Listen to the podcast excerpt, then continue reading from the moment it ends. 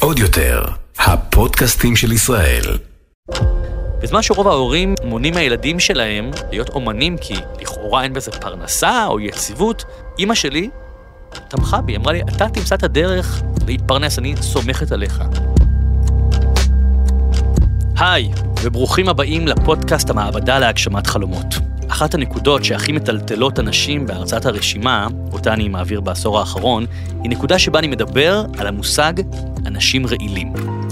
אנשים רעילים הוא מושג, אותו טבעה פסיכולוגית אמריקאית בשם ליליאן גלאס. היא עשתה מחקר, והיא פרסמה אותו בספר בשם אנשים רעילים, והיא גילתה שכולנו מוקפים באנשים רעילים.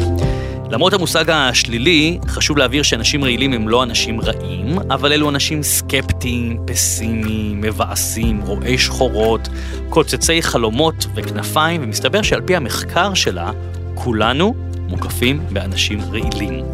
בפרק הזה אני אסייע לכם לזהות מי הם האנשים הרעילים האלה, ולהבין למה חשוב להוציא אותם מהחיים שלנו. אבל לפני זה סיפור קצר, על הפעם בה אני הבנתי שאני חי בתוך מערכת יחסים רעילה. פרויקט הרשימה, שהיום כולל סדרת ספרים והרצאות, התחילה כשהייתי בן 34. הייתי אז עיתונאי בעיתונות הארצית ושחקן טלוויזיה ותיאטרון, והיו לי מספר עסקים, גם הייתה לי תינוקת חמודה בבית, בת שלוש, והייתי בזוגיות מאושרת של שבע שנים. כשבלוג הרשימה בו פרסמתי עשרה חלומות שאני רוצה להגשים תוך 400 ימים, ושיגרתי אותו לאוויר העולם, הפך להצלחה עולמית ומיידית, מצאתי את עצמי תובע בעשרות פניות מכל העולם, להעביר הרצאות אה, על התובנות שאספתי ולמפגשים עם אנשים מאוד מעניינים. באותם הימים אני לא תיארתי שפרויקט הרשימה ישנה את חיי ואת מצבי הכלכלי, ואני עשיתי את זה לחלוטין, לחלוטין בשביל הכיף שלי. אני ממש הייתי סקרן לגלות את כוח הרשת החברתית, שהיה אז יחסית בחיתולים. התגובות שקיבלתי בבית שלי, בזוגיות שלי, היו בסגנון למה זה טוב, מה יוצא לך מזה? יש לך ילדה קטנה בבית, תטפל בה, ולא בחלומות שלך. וגם משפטים בסגנון, אין בזה עתיד, או אין בזה כסף. האמת היא שאני לא התייחסתי לתגובות האלה יותר מדי. אחרי הכל, זה תגובות ושיח לגיטימי בתוך זוגיות קרובה. אבל ככל שפרויקט הרשימה הלך וגדל וגדל וגדל והצליח, גיליתי שגם התגובות שקיבלתי בבית הפכו להיות רבות יותר, גדולות יותר, קיצוניות יותר, ובעיקר מאוד מאוד שליליות. באחת מההרצאות הראשונות שקיימתי, ניגש אליי בסוף ההרצאה מישהו מהנוכחים והציג את עצמו. הוא סיפר לי שהוא בן משפחה של אחד החיילים הישראלים שהגופה שלהם נחטפה לעזה. ב... זה היה ב-2014, במסגרת מבצע צוק איתן. הוא סיפר לי שבני המשפחה של אותו חייל שבורים ומרוסקים, ושמשהו בגישת חיים שלי, אה, כפי שהוא שמע בהרצאה, יכולה לשמח אותם. והוא ביקש ממני להגיע אליהם הביתה ולדבר איתם. הפנייה הזאת מאוד ריגשה אותי, היא החמיאה לי, אבל גם היא מאוד הביכה אותי. כי עם כל הכבוד, אני לא פסיכולוג, ואני לא פסיכיאטר, ואני לא מיומן בסיוע לאנשים במצב דיכאוני. וזה נשמע לי ממש מוזר, לדפוק להם בדלת ולהגיד להם, שלום, אה, באתי לפזר אבקה של חיוביות על החיים שלכם. אז דחיתי בנימוס את ההזמנה שלו, לא לפני שהצעתי להזמין את כל בני המשפחה להרצאה שלי, ולאחר מכן, לשבת איתם לקפה במידה והם ירצו. זה הרגיש לי הרבה יותר הגיוני ופחות יומרני.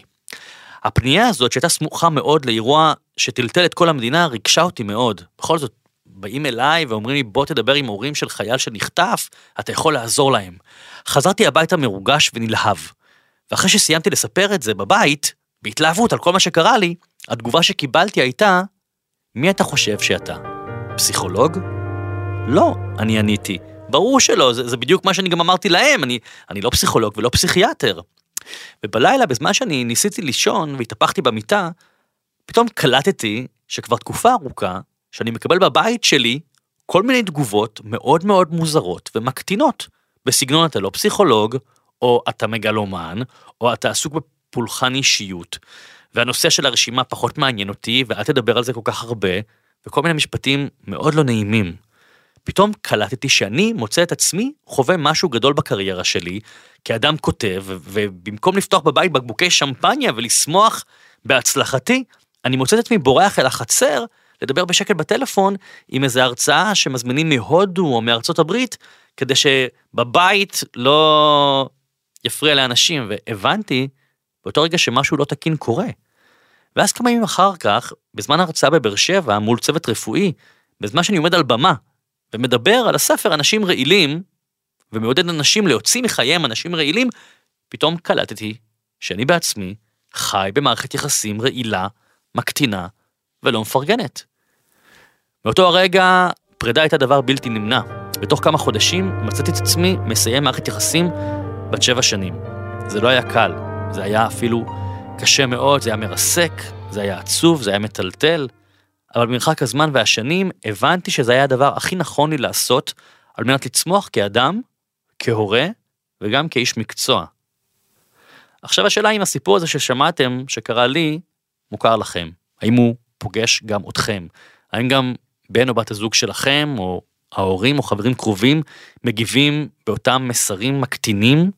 אולי אתם נתקלים בתגובות האלה במערכת יחסים הנוכחית שלכם? אתם יודעים, זה לא חייב להיות רק במערכת יחסים רומנטית.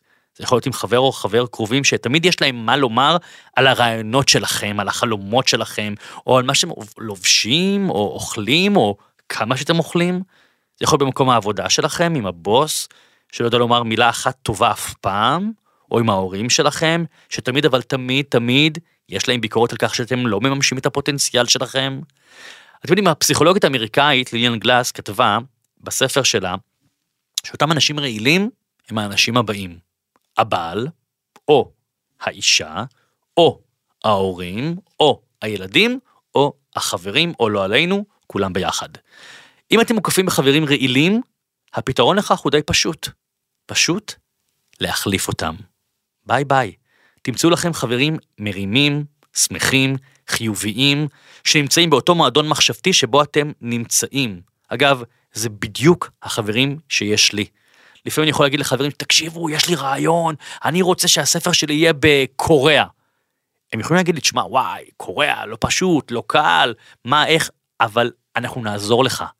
אלו האנשים שמקיפים אותי בחיים שלי, רק אנשים כאלה, אנשים מרימים. אגב, חלק מהאנשים האלה הם אנשים שמתארחים כאן בפודקאסט, בפרקים שבהם אני מראיין אנשים שהגיעו להצלחות גדולות, זה אנשים שמה שמשותף לכולם, זה שכולם מפרגנים האחד לשני וגם מאמינים שזה אפשרי.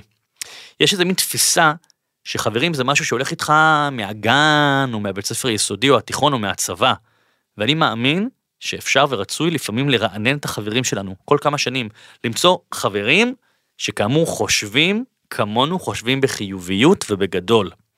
עכשיו אם האדם הרעיל הזה זה הבעל או האישה או ההורים או הילדים, אז פה המצב הוא טיפה יותר מורכב, כי בכל זאת מדובר באנשים שאתם מחוברים אליהם, או בקשר דם או באמצעות כתובה.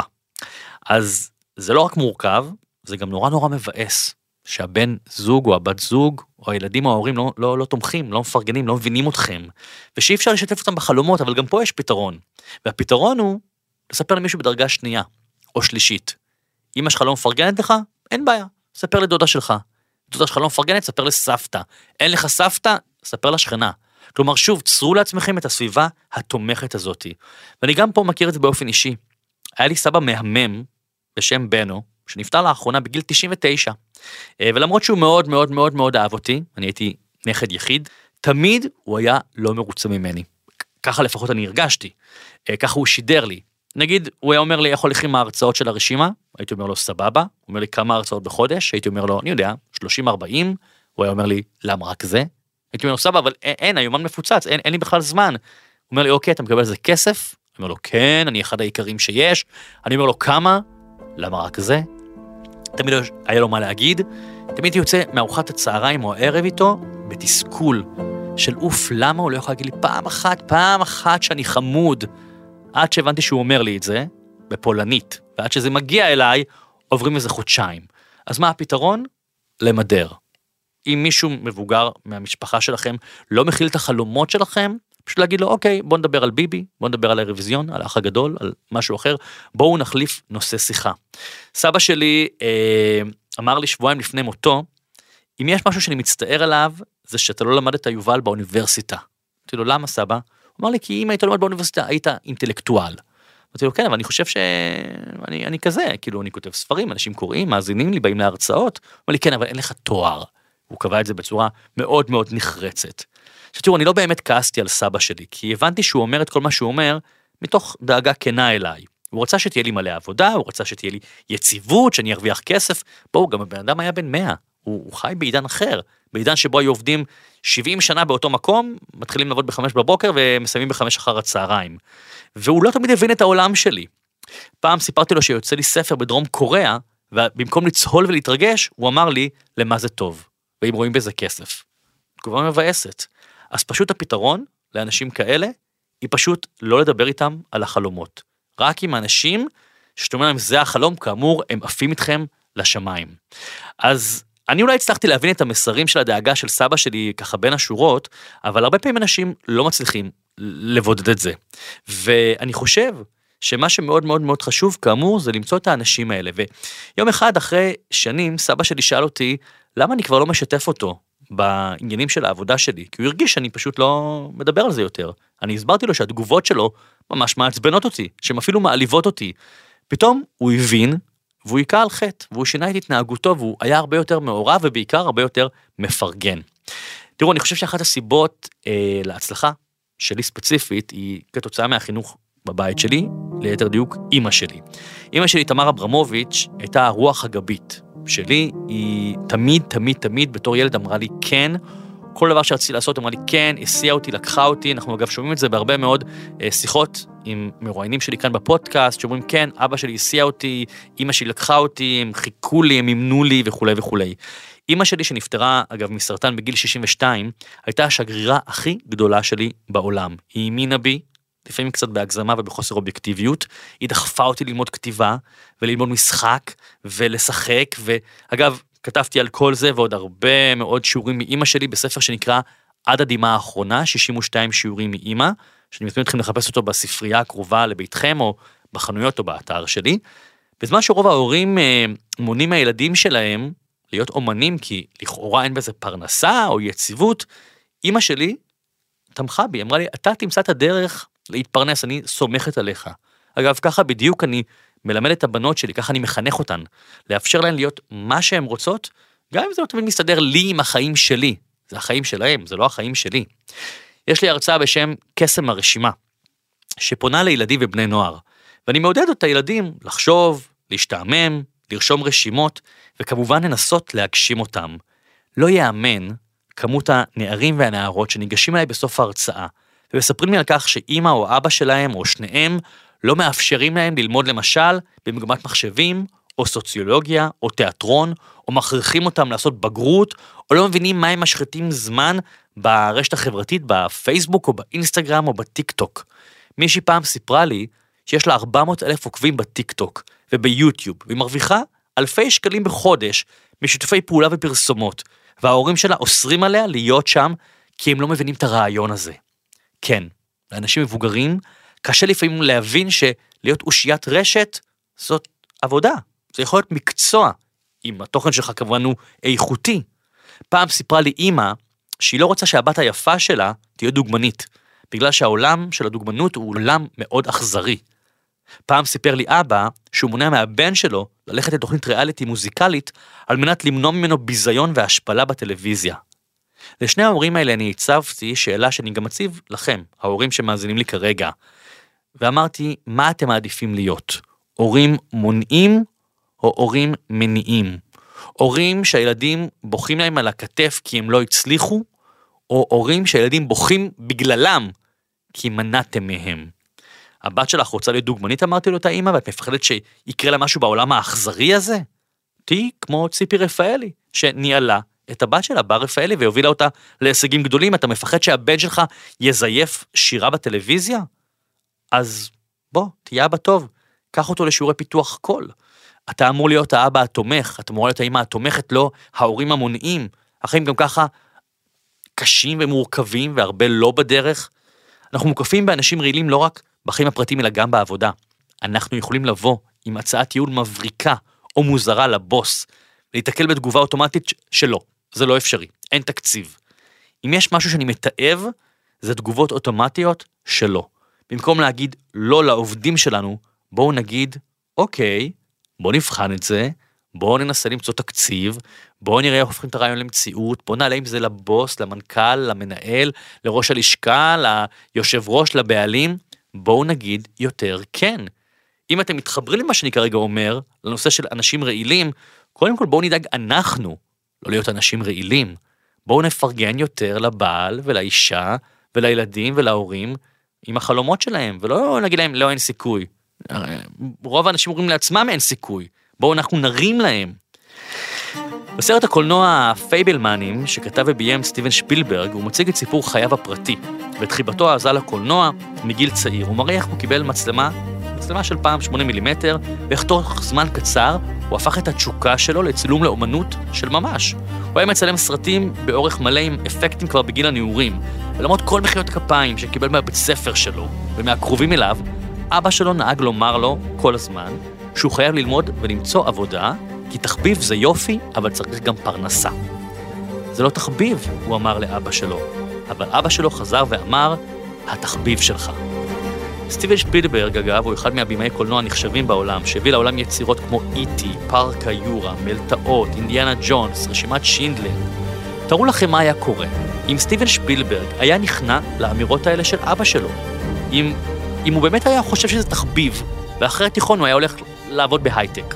היינו מפסידים את כל היבול הקולנועי ששינה את פני הקולנוע כולו. בשנת 2020, אה, הנסיך הארי בבית המלוכה הבריטי פרש ביחד עם אשתו, השחקנית מייגן מרקל, מבית המלוכה. הפרישה הזאת טלטלה את אנגליה וסקרנה את העולם כולו. איך יכול להיות שנסיך מוותר על כל הטוב הזה? אבל הארי ויתר על זה משום שהוא הרגיש שהכל סביבו רעיל. מהתקשורת הבריטית החטטנית וממציאת הסיפורים והדרמות, ועד חוסר התמיכה בתוך הבית שלו, שהוא ואשתו קיבלו. הוא הרגיש שזה פוגע בהם נפשית. בסדרת תיעודית בעיניי מעולה בשם הארי ומייגן בנטפליקס, הוא מתאר את התגובות הרעילות ואת הדיכאון, הדיכאון שאשתו חוותה בתוך הבית שלהם. אני רוצה להמליץ לכם לצפות בסדרה הזאת, בדוקו הזה, אה, לא בגלל הסיפור על בית המלוכה הבריטי, הרכילות ממש לא מעניינת לדעתי. אותי באופן אישי עניין לשמוע, לראות שני אנשים נלחמים בחוויות של רעל, שמוכנים לעשות מעשה קיצון, לוותר על כס המלוכה וכל הנוחות שנלווית בשביל לחיות את החיים שלהם כפי שהם רוצים.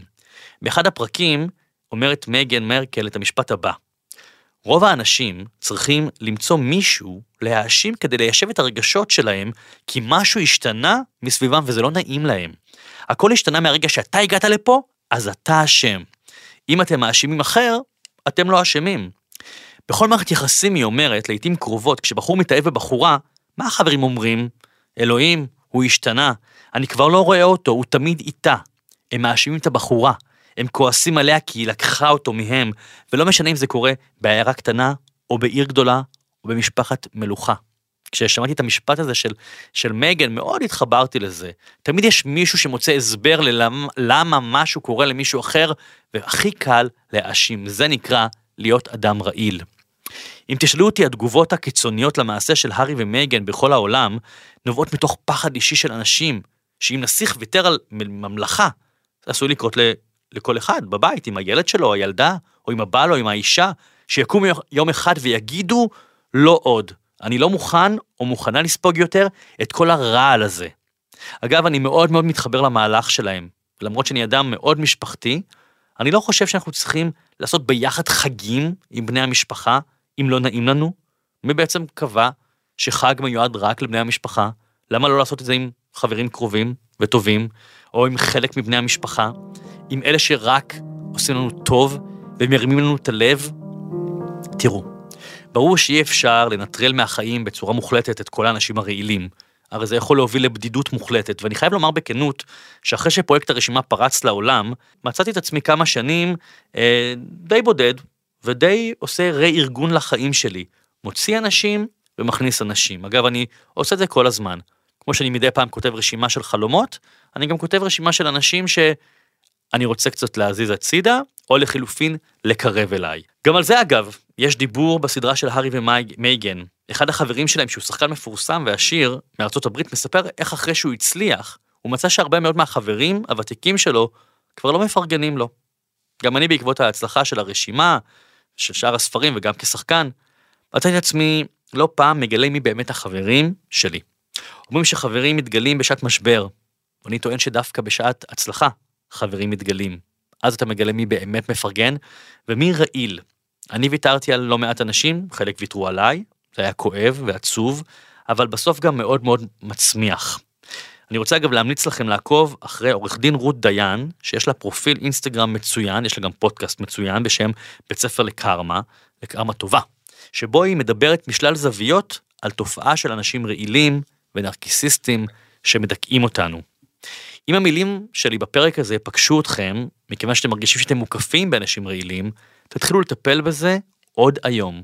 תנטרלו אותם מהחיים שלכם. אבל הכי חשוב, כמו שכבר אמרתי, תהיו כאלה עבור אנשים אחרים. עבור הבעל או האישה או הילדים או ההורים שלכם. פעם סיפרה לי מישהי שבעקבות הדברים שלי בהרצאת הרשימה, היא החליטה לשחרר במרכאות את בעלה מחדר הלידה של התינוק השלישי, לאפשר לו לטוס, להשתתף בטורניר כדורגל בברזיל. ואני מצטט את מה שהיא אמרה לי, היא אמרה לי בהתחלה אני אמרתי לו שאין מצב שהוא נוסע בחודש תשיעי להיריון, שאני צריכה אותו כאן. ואז אימא שלי דיברה איתי והבנתי שזאת לידה שלישית, והוא כבר היה נוכח בחדר לידה, ואולי תהיה לי עוד לידה בעתיד ואולי לא, אבל הטורניר הספציפי בבר... בברזיל כבר לא יהיה. אז שחררתי אותו. ואני חושב שזה שיעור מאוד מאוד מעניין שגם בתוך זוגיות, גם כשאנחנו נשואים, צריכים לתת לבעל או לאישה את החופש ללכת אחרי החלומות, גם לפעמים יש התנגשות עם חיי המשפחה, עם החלומות שלנו. אני מאחל לכם שאתם תמיד תהיו מוקפים באנשים מופלאים כמו החברים והחברות שלי, שכשאני אומר להם, זה החלום שלי, הם אומרים לי, וואו, אני איתך. בואו נהיה אנשים מרימים וחיוביים, ולא אנשים רעילים. בואו נפסיק להגיד לאחרים, אבל גם לעצמנו, אין סיכוי שזה יקרה. החיים כל כך מורכבים וקשים, פוליטיקה, סכסוך ישראלי-פלסטיני, מלחמות בישראל ובעולם, יוקר המחיה, לא צריך להוסיף עוד, עוד קשיים לתוך הדבר הזה. בואו באמת נהיה חיוביים כלפי החלומות שלנו וכלפי רשימת החלומות שלנו. אם אהבתם ואהבתם את הפרק הזה, אתם מוזמנים ומוזמנות לדרג אותו. דירוגים גבוהים ייתנו לו חשיפה. חשיפה גדולה, תאפשר לי להביא אורחים מעניינים. אתם מוזמנים לסמן אותו כמועדף על מנת לקבל התראה על פרקים חדשים, וגם להירשם לתפוצה באתר שלי על מנת להיות מעודכנים גם בפרקים וגם בדברים הכי חדשים. לאתר שניתן להגיע באמצעות הכתובת uv-tlv.com, או פשוט לכתוב יובל אברמוביץ' בגוגל. ותוכלו למצוא שם באתר שלי המון מידע על ספרים והרצאות וסמינרים וקורסים וגם תוכנית ליווי להגשמת חלומות בשם המעבדה להגשמת חלומות כמו הפודקאסט הזה. ארגנתי לכם גם קוד הנחה בגובה 15% על כל האתר שלי, הקוד שצריך להזין זה המילה רדיו. תודה שהאזנתם והאזנתם, נתראה בפרק הבא, יכולים לשמוע אותי בספוטיפיי, אפל פודקאסט, גוגל, כל הפלטפורמות המוכרות וכמובן גם ביוטיוב. להתראות. עוד יותר, הפודקאסטים של ישראל. הוקלט באולפני אדיו, המשווקת את ספוטיפיי בישראל.